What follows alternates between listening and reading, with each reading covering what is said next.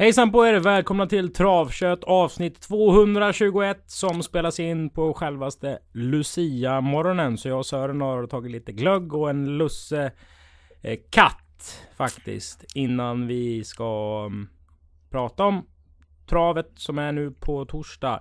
Så gör vi det genom att backa det berömda bandet. Eh, vi hade ju mm, Stefan Persson med i förra veckans eh, andra avsnitt med ja. eh, inför Legolas minne.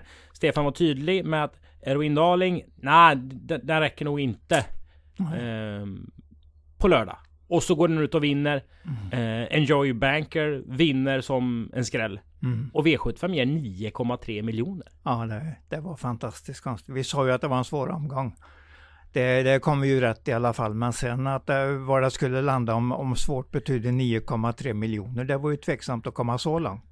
Men nu var det så på det viset. Kan man inte säga ibland att, eh, det kan man ju, att vissa omgångar är överbetalda och vissa gånger är liksom omgångarna underbetalda? Jo, men att det är, det är bra respektive dåligt betalt. Mm. Det här kändes väl som... Visst, det var svårt. Ja, men ja, inte visst. så jäkla svårt som 9,3 miljoner. Ja, det är svårt att komma rätt när det Antingen ger det ju jättebra och då är det svårt att komma rätt på det. Om, skulle det verkligen gett så mycket? Ja, det är mycket svårt det där. Det skulle ju möjligtvis kunna vara så att ingen hade haft den egentligen. Och då hade det varit helt omöjligt. För alla spelare. Ja, men menar du på att tycker du att de övriga fem var speciellt svåra? Om vi, om om vi vänder på det så då?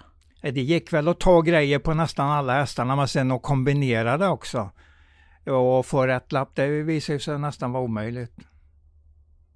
Ja, det var kul, i alla fall en kul omgång och vi såg många bra, bra hästar, det är inget tvekan om det. Mm. Och det gäller ju att, att eh, komma rätt på det. Man kan ja. ju givetvis gå till Ja men sig själv närmast då. Eh, mm. Om man ser bland annat mitt förslag i programmet. Jag hade spik på Laban Lage som jag trodde ja. skulle vara bättre. Den gick ju inte hela vägen hem. Och hade även spik Grand på Grand Toll. Fick däremot med eh, Eroin Darling på fem hästar. Mm. Så att ja, det, det, det är bra. precis som man bra. säger ja. hur man ska kombinera. Jag, jag tittar faktiskt igenom eh, eh, dubben. För mm. den tyckte jag också gav bra. 67 gånger på Pastors Girl och eh, Tai Sansa. Ja, det var ju faktiskt bra. Eh, det var två hästar som jag hade som en andra rank. Ja, bägge två. Ja, absolut. Eh, så att eh, det, det, man kunde faktiskt spela hem lite pengar. Eh, I lördags tror jag man hade haft, haft de förutsättningarna på ett annat sätt. Mm. En annan omgång som faktiskt kom lite i skymundan. Eh, eller skymundan gjorde vi inte. Vi körde ju trav i torsdags. Ja. Det var snöstorm, det var V5. Det är ja. ju inte de... Eh, den högsta klassen på, på de tävlingarna vanligtvis. Så det var väl inget undantag i torsdags. Men! Om man tog bort lite Björn Goop Eh, jag var ju rätt så tydlig med den här Green and Black till exempel. Säger ja, den så skjuter ja. jag mig i huvudet. Jag trodde inte överdrivet mycket på den. Nej, nej. nej V5 den, var ju, gav... den var ju inte alls bra. Det måste jag ju säga. V5 gav 2 och 7. Ja, och det var långt ifrån en, en, rad som liksom var helt omöjlig. V4 mm gav 3000 kronor. Mm. Där Olof Thorsson vinner med Stefan Andreassons häst i sista loppet. Då stiger ja, den från 500 precis. spänn till 3000. Ja. Och den hade kvalat på 18 och 4 och går 5 gånger. Ganska fin häst faktiskt. Ja, alltså ibland så mm. är det ju bra att man kör mitt kompisgäng brukar kalla det liksom för, för smutsomgångar. Omgångar mm. som inte får så mycket tv-tid. För Nej. de loppen blir ju inte så sönderanalyserade. Nej. Hade lopp 8 i torsdags körts under en onsdag. Så hade ju Torssons häst aldrig stått i fem gånger. För då hade folk haft mycket bättre koll mm. hela vägen. Mm. Eh, på det där. Vi såg att Johan Untersteiner vann 4 av 4. Följde upp med en V75 dubbel. Så det stallet går ju Går ju minst sagt bra nu på skor. Ja, ja. Eh, om man säger så. Eh, sen hade vi, vad hade vi mer? Dubbel till Backer. Dubbel till Korfitsen. Ja, precis.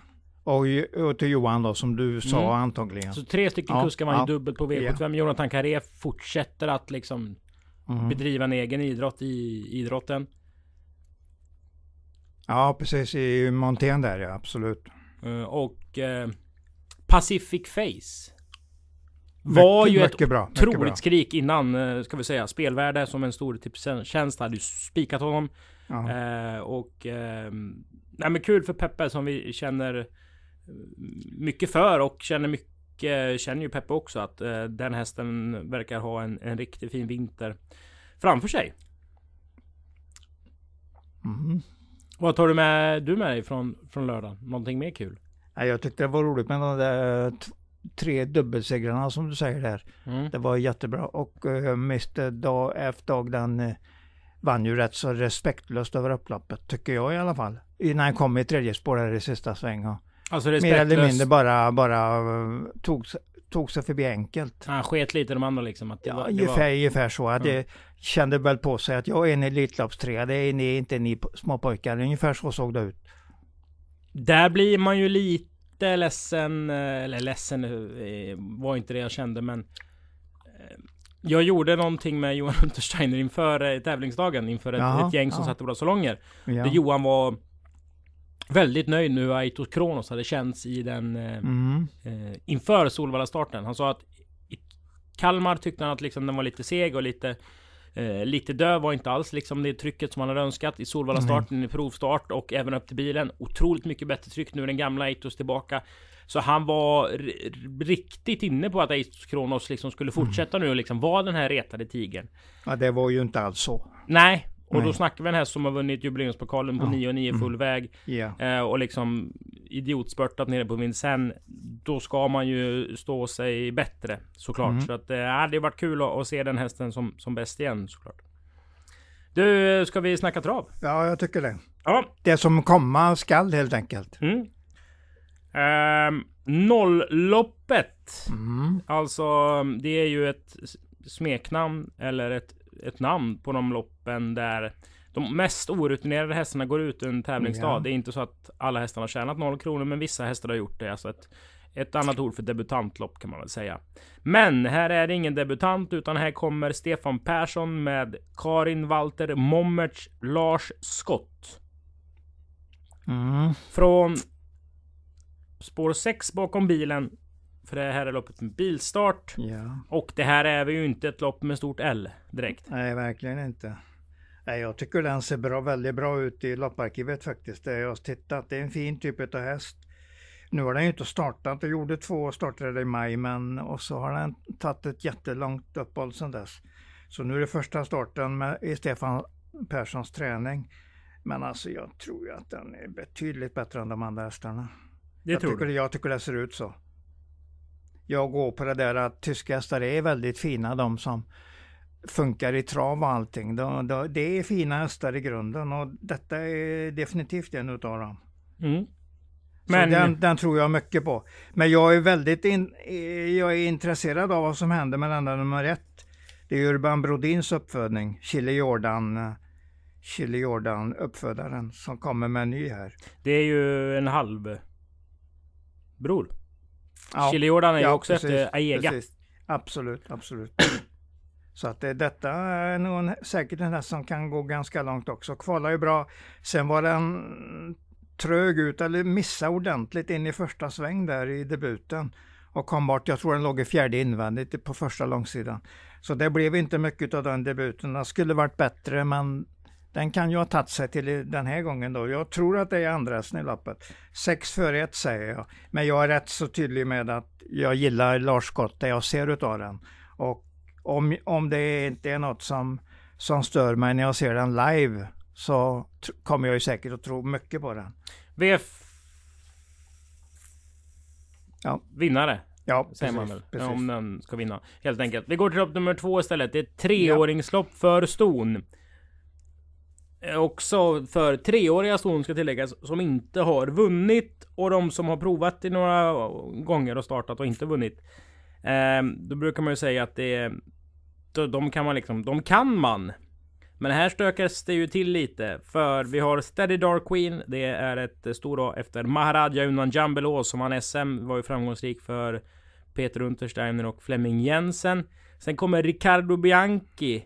Med en så jävla svår resultatrad så att det är svårt Mm, att mm. utväxla. Eh, men den här kommer alltså från Tjeckien 3 Wiki Stone. Den har alltså startat i Tjeckien. Mm. Eh, och BK är väl Berlin Karlsholt. Alltså Ja, den, det är det. Karl, den Karlholms, säms, ja. sämsta banan i Berlin. Ja, ja. Sen är det bara står TY. Tysk, tysk, det är alltså Staubringe tror jag den hette den banan. Är det Den Staubing, det det är den har startat tror jag. Ja, det är ju Och alltså där står TU, där står ingen annan ko- förkortning. Det är tysk Landshut det är helt enkelt. tysk landsortsbana. Ja, ja. Dessutom så mönstrar ju eh, Bianchi DD-AT som är efter superhingsten El Nino. När man aldrig hört talas om att det finns en travare som heter El Nino. Jo, jo, det finns det. Det vet du. Men jag, jag har sett den på en del hästar där- där i Mellaneuropa när jag råkat stöta på dem. Och den här har alltså varit i. Ungern. Ja, och så har jag gjort ett lopp i Halmstad. Där den ju avslutade ganska bra faktiskt efter att ha suttit ungefär i fjärde par mest hela vägen. Men upploppet och den, den kom med en spurt ut i spåren sista biten och tappade i alla fall inget på upploppet. Snarare tog in lite grann på hästarna framför. Så att det, det är i alla fall ingen dålig häst, det ser jag ju på bilderna. Alltså det, det är väl samma ägare som äger den där som eh, Peter Sadell brukar köra. Som har ett fint trav. Eh, som heter någonting. Den har typ 300 000 på sig. Du vet precis vilken det är nu. ja, den är lite sprinterbetonade Precis. hästen, ja. Eh, och där står det alltså UN i programmet. Det är Ungern. Mm, mm. Fast det står HU som hästen är uppfödd i. Ja, precis, precis. Och så står det RS. Är det, det, men det är Serbien va? Nej, det, det är Ryssland helt enkelt. Det är Ryssland. Ja, det är det. det, är. När det, den kombinationen kommer upp så är det Ryssland. Men ägaren bor i Serbien. Mm. Tränaren finns i Halmstad från Italien och Peter Sadell som kör det från Slovenien. Ja, det är riktigt hopkok här. Mm. Och du får en till lussekatt om du kläcker uppfödarens namn på flytande ungerska. Vilken pratar du om? 6 DDAT såklart. Åh jösses, jösses. Ska det, Ja, det måste vara ett företag Nej, det går, det går. Ja. Ilmetny Kereskedelmi S Sulgaltatu är uppfödare till den här DDAT. Okej, så nu har vi alltså pratat om en bra häst från spår 12, två stycken som var roliga program alltså att att läsa. ja, Eh. Citrin Diablo. Här ska man nog inte tänka att Johan väljer den bästa hästen. I det här fallet. För här är det nog liksom Diablo och Peter Untersteiner har ju funnits nästan lika länge tillsammans som Johan Untersteiner har varit född. Det känns som Peter ofta kör Diablo-hästarna, Ja, speciellt när den eh, debuterar. Vi har 8 Joel som Vi startgalopperar. väntar på helt enkelt att det ska hända någonting där. Mm. Det är ju en lång... Det är ju en långstegad häst i alla fall och rejäl, rejält byggd. Har du sett någonting här som du tycker som du kan liksom lyfta fram? Nej, jag ser ju ungefär det du har berättat här. Att, eh, jag har ju sett Joel, det har jag gjort. Jag gillar i alla fall stilen på hästen. Sen gäller det att den ska fungera också. Men jag säger direkt att innan Scott gjorde också dåliga starter i början av karriären. Så att det, det behöver inte betyda att det, är en inte en, det behöver inte betyda att det är en dålig häst. Jag tror absolut inte att det är. Känner ingen press, men... Nej, ungefär så, ungefär så. Och Steady Dog Queen gillar man ju att den är efter Jan Belås som vann stor-SM 2014.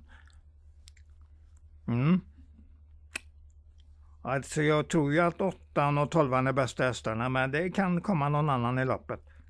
För vi har ju svåra hästar att tänka på eller att värdera helt enkelt. Ja, här får man ju titta på hästarna. Och vad ska man Absolut. titta på då Sören? Mm, ja, om de travar bra, om de ser bra ut. Hur ser man om en häst Fram- travar bra?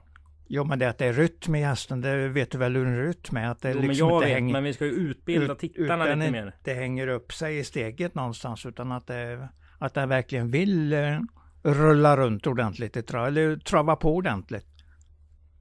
Mm. Ser rytmiskt och bra ut och det är inte alla hästar som gör det men det, jag tror ju att om det är bra hästar så gör de ju nästan alltid det.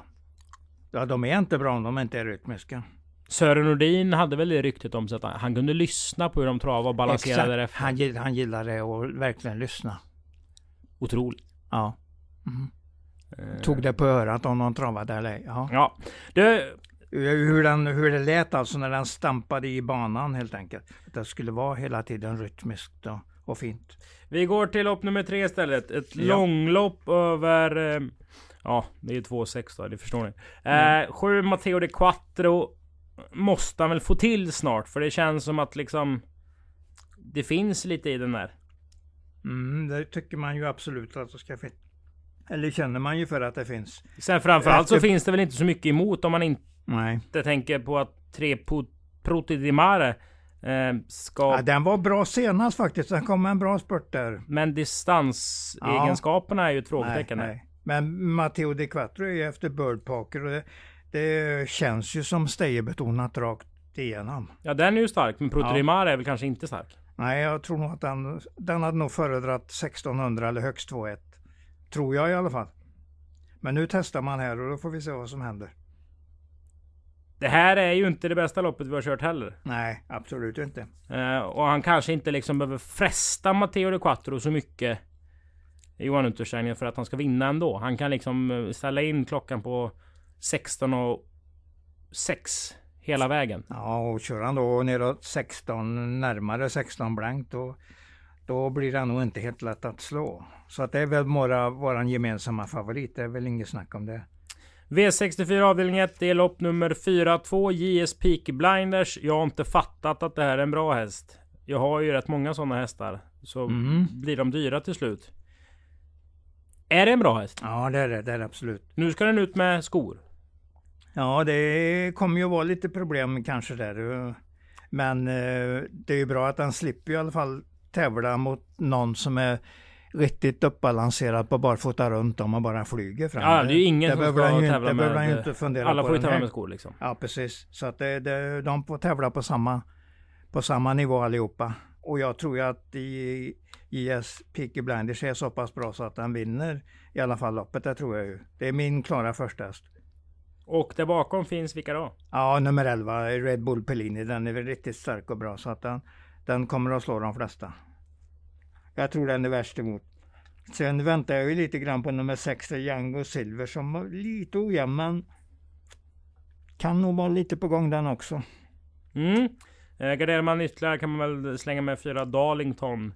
Mm, eh, en av flera hästar Preben Sövik gör det, gör det bra med. Eh, ny som tränare nere på Jägersro. Jag tycker de, de vinner lopp eh, ofta. Ja, absolut. Vi går till lopp nummer fem. Eh, det är ett lopp där hästarna max har tjänat 65 000 kronor. Det går med bilstart. Och här finns det ju lite roliga hästar som vi får gå igenom med dig. Mm. Känner jag. Vi börjar med fyra Heavy Money som körs av Niklas Korfitsen. Han känner vi ju igen. Mikael Hovgard är eh, tränare. Och det är väl Hovgard och travsport i Danmark är väl rätt så synonymt med varandra? Jo, det är det. Vad är det för något? Ja, men han brukar köra in ungefär, eh, ja, i alla fall en knapp miljon varje år. Mm. Danska kronor. Så en duktig tränare. Korfsen kan vi ju. Heavy Money ja. är ju varannangångsbetonad. Vårt favoritadjektiv i den här podden. Ja, absolut, absolut. Eh, gått felfritt två gånger i karriären och vunnit bägge två. Ja. Vinner den på torsdag. Ja, jag har en annan dansk som jag tror är ungefär lika bra. Och det är ju nummer 9 då, hästen där. Den har alltså vunnit en gång ja. på 16. Och den fick lida lite grann för att den vann den gången. Den vann för, faktiskt första april i, i fjol då. Eller förlåt i år. Nu vi har inte ja. gått eh, förbi nyår än. Så att det var alltså 2020 22 som man. vann. Och då då svarade han fint och jag vet att Jeppe var riktigt nöjd med den. Och den har matchat han hårt efter det och trott att han har varit en kulttopp. Så den har egentligen startat mot de bästa treåringarna i Danmark hela året. Och nu försöker han väl då kanske komma till ett lite lättare lopp. Och jag tror nog att han är rätt nöjd med den här matchningen, att han hamnar i det här loppet. Men Heavy Money, det är ett rätt så fint sto. Men vänta då, om Jeppe hade varit riktigt nöjd med hästen så hade ja. han ju inte haft 54 000 på sig efter gjort han, 16 starter. Han är ju inte nöjd med att han eh, liksom inte har fått ut mer av den. Det är klart att han inte Men uh, den har ju visat att den är inte riktigt där i kultoppen i Danmark. Men den, uh, där finns nog ändå en hel del förhoppningar på att det ska vända någonstans här. Rutinen har den ju fått genom hårt, hårt tävlande. Eh, Heavy Money satt i andra på utvändigt senast. Blåset och spets 1000 kvar och drog undan med 30-40 meter när han ledde som mest. På puckelpistbanan? Mm, nej, uh, nu ska vi se. Det var väl uh, i Ål, Ålborg. Ålborg är bra, Århus är Ålborg är den, är den som är byggd efter Åbys mått, Okej. måttstock. Och Århus är den Och som Århus är är puckelpistbanan som du kallar den. Ja, det- Uppförsbacke på upploppet helt enkelt. Det är du som har sagt. Ja men det är ju så, det är ju så. Det är Ja. ju ganska kraftig nivåskillnad när man svänger in på upploppet. Då går det upp för hela tiden. Du, du Anders Kjellberg har fått fram något som heter Racer of Knukebo. Jag gillar den amatören, jag kan inte säga något annat. Jag tycker han kämpar på fint med sina hästar. Mm. Så att jag tycker nog att den är så pass bra så den kan vara en outsider i loppet. Det kan även tre Sidieux Leveux vara. Den blir bara bättre och bättre. Den Nej. kommer nog bli rätt mycket spelad i loppet. Si- Tror det? Ja, Cide Levieux. Den är nog ingen som står i... Det kommer inte vara mycket över tio gånger. Jag tror inte den når tio gånger. Det tror jag inte. Och vad ska den stå i då? Ja, sju. Ja. Sex, sju gånger. Den ska vara hårt spelad när den står så bra till i loppet.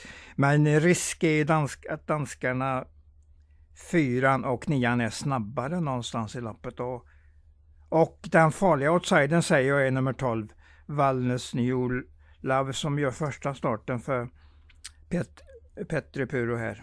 Det är första till och med. Ja, För Eh. Malin Kullberg, hon köpte den här hästen på Travera. Hon var veterinär eh, på, eh, tror det var Hallands djursjukhus. Hon var som Ja, veterinär ja. nere i Halmstad. Hon är Finlands svenska. ja just Säger det. man så? Mm, jo, Eh, eller hon är, hon är från Finland men kan prata svenska. Ja.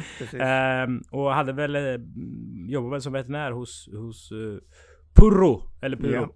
Ehm, det är ju Poppy som är mamma. Goops gamla Poppy. Absolut. Så den är ju... Och så Love You också som Mm. pappa. Ja. Nej, men denna, jag tror det finns en hel del i den här hästen. Så att jag utnämner den som en farlig, som en farlig outsider i loppet. Vi går till V64 avdelning 3. Där du drog till med eh, citatet Åbys bästa sto. Mm. Om 10 Princess Kloster. Jag har väl kanske ändrat mig till Melby Ivy där och sätter den rubriken på Melby Ivy. Som du sa det med bästa stoet, men denna konkurrerar ju kraftigt i år.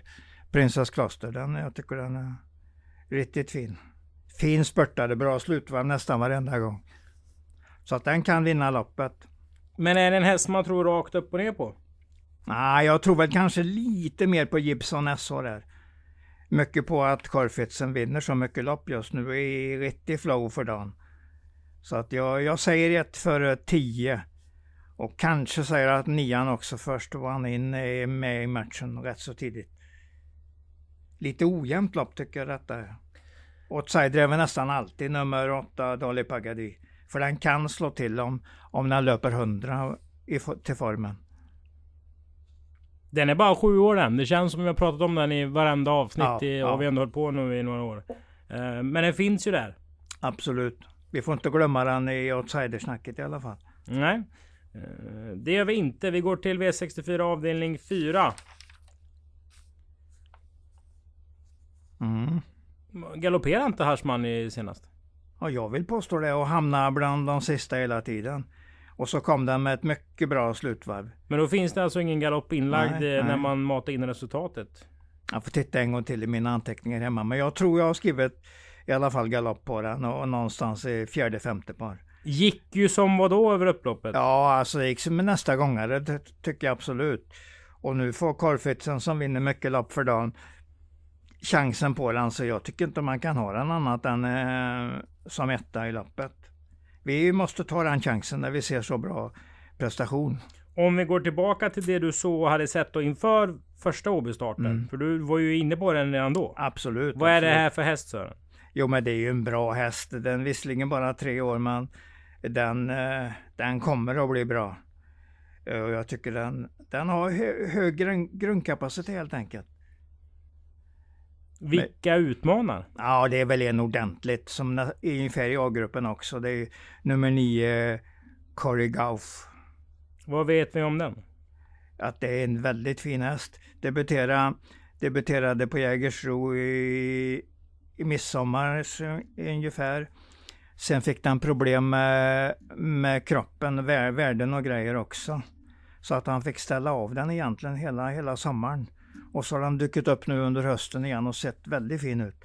Jag, är, jag kan nästan säga att jag är imponerad utav hästen som typ. Jag tycker den ser ut väldigt, väldigt mycket riktig häst över den när man tittar på den.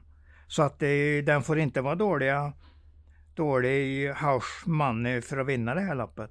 För Jeppe kommer att kommer med en häst som är definitivt klar för stora prestationer redan nu.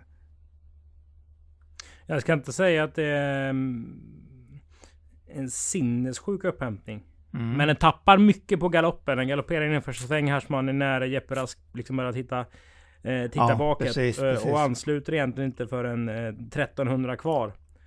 Ja, den var, det var, vi sa ju det direkt när vi pratade någon uh, ja. timme efter loppet att vi hade ju en riktig, riktig åtminstone, vi måste kalla den som en nästa gångare när vi har sett den prestationen.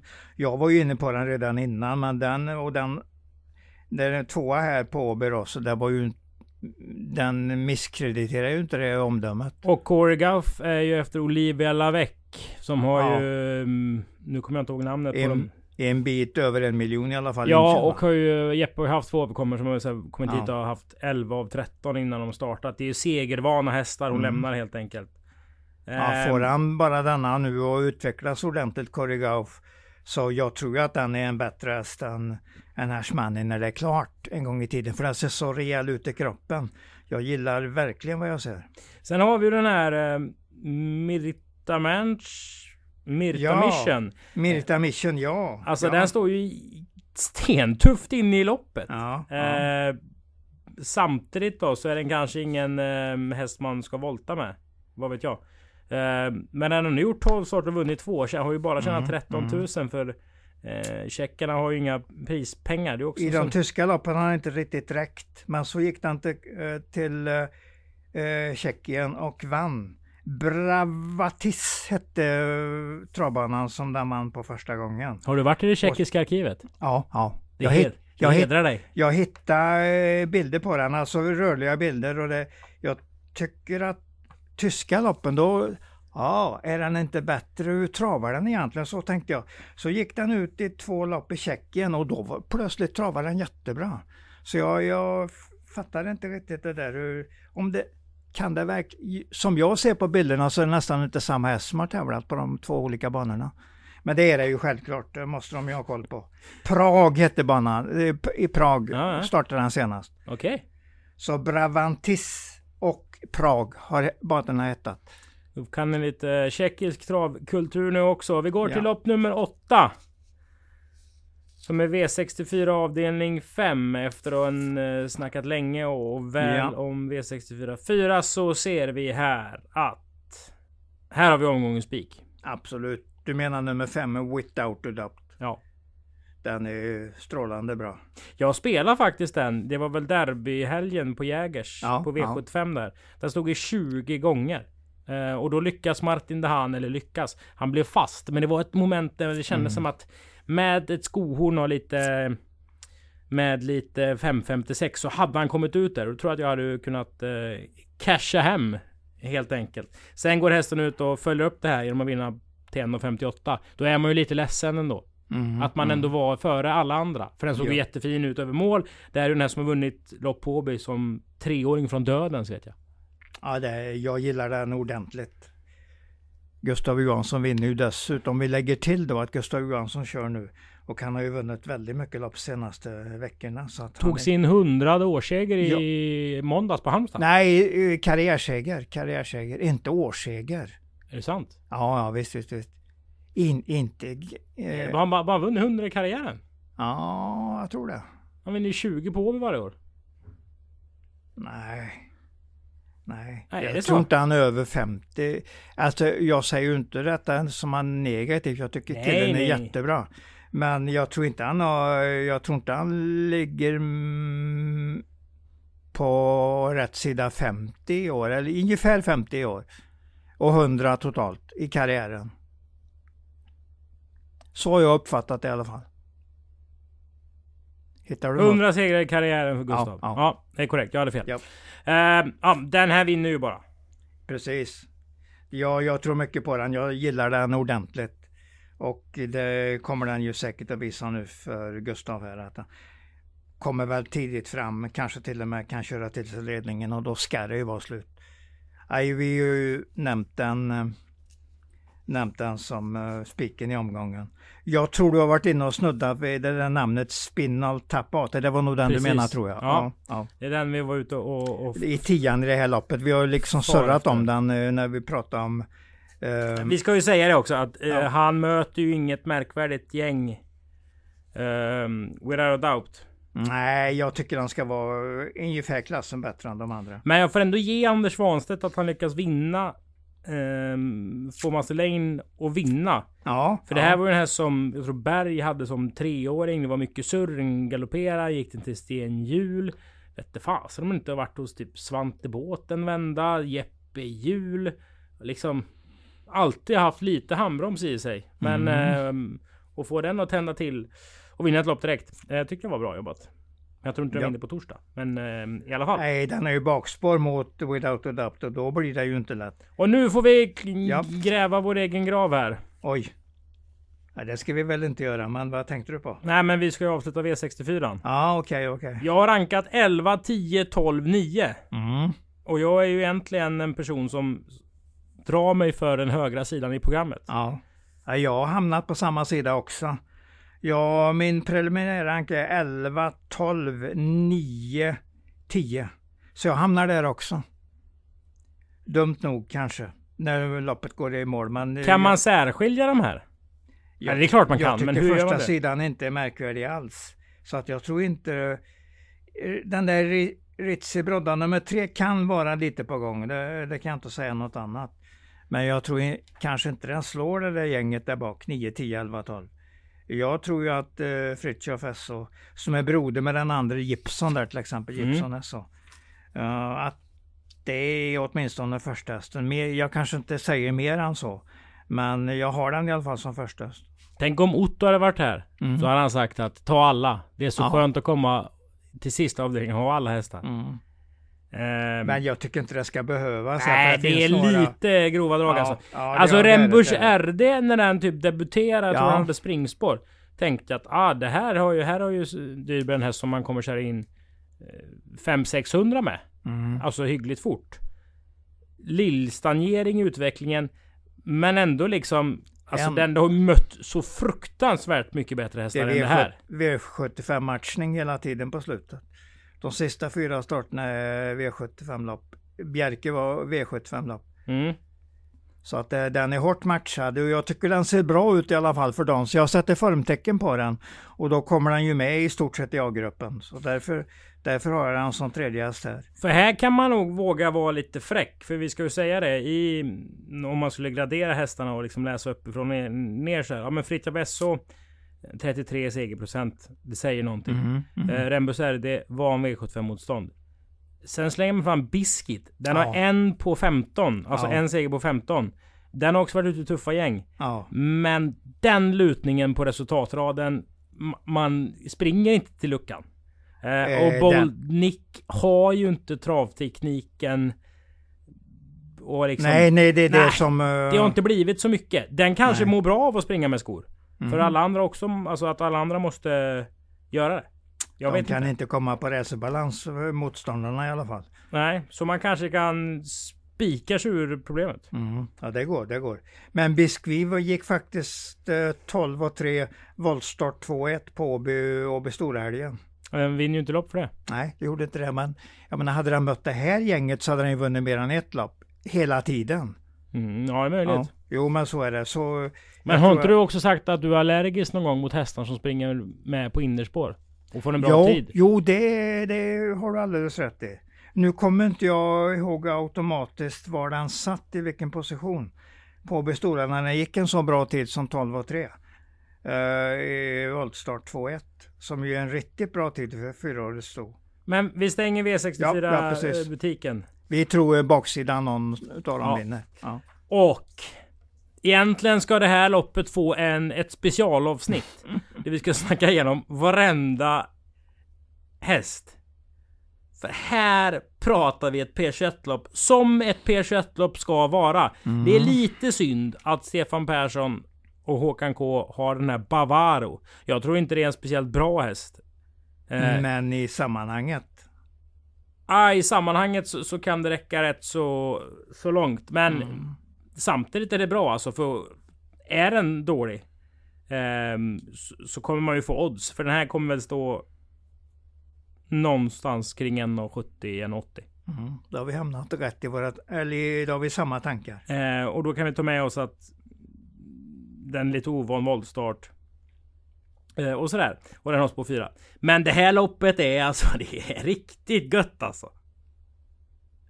Ja, du gillar de här och det har du alldeles... Det har du din rättighet att göra. Ja men det är väl jätteroligt när man inte... När det inte bara är ettor och ett P21-lopp är vad ett P21-lopp ska vara. Mm, ja men det är det ju absolut.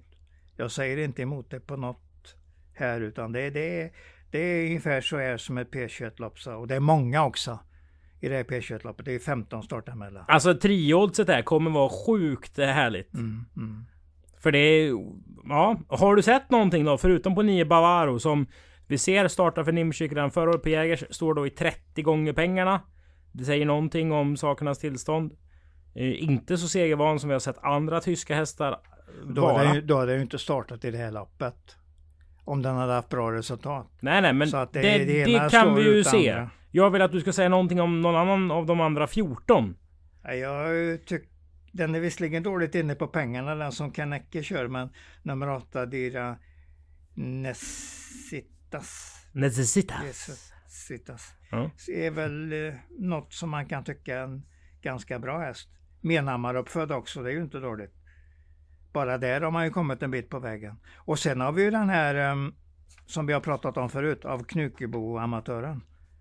Ja. Anders Kjellberg står ju med nummer tre där. Mm. Står i alla fall i ett läge eh, där den eventuellt kan köra till sig. En bra position direkt. Fem hästar på start. Och den har tredje spår. Varför, varför ska inte den sitta bra på den när den...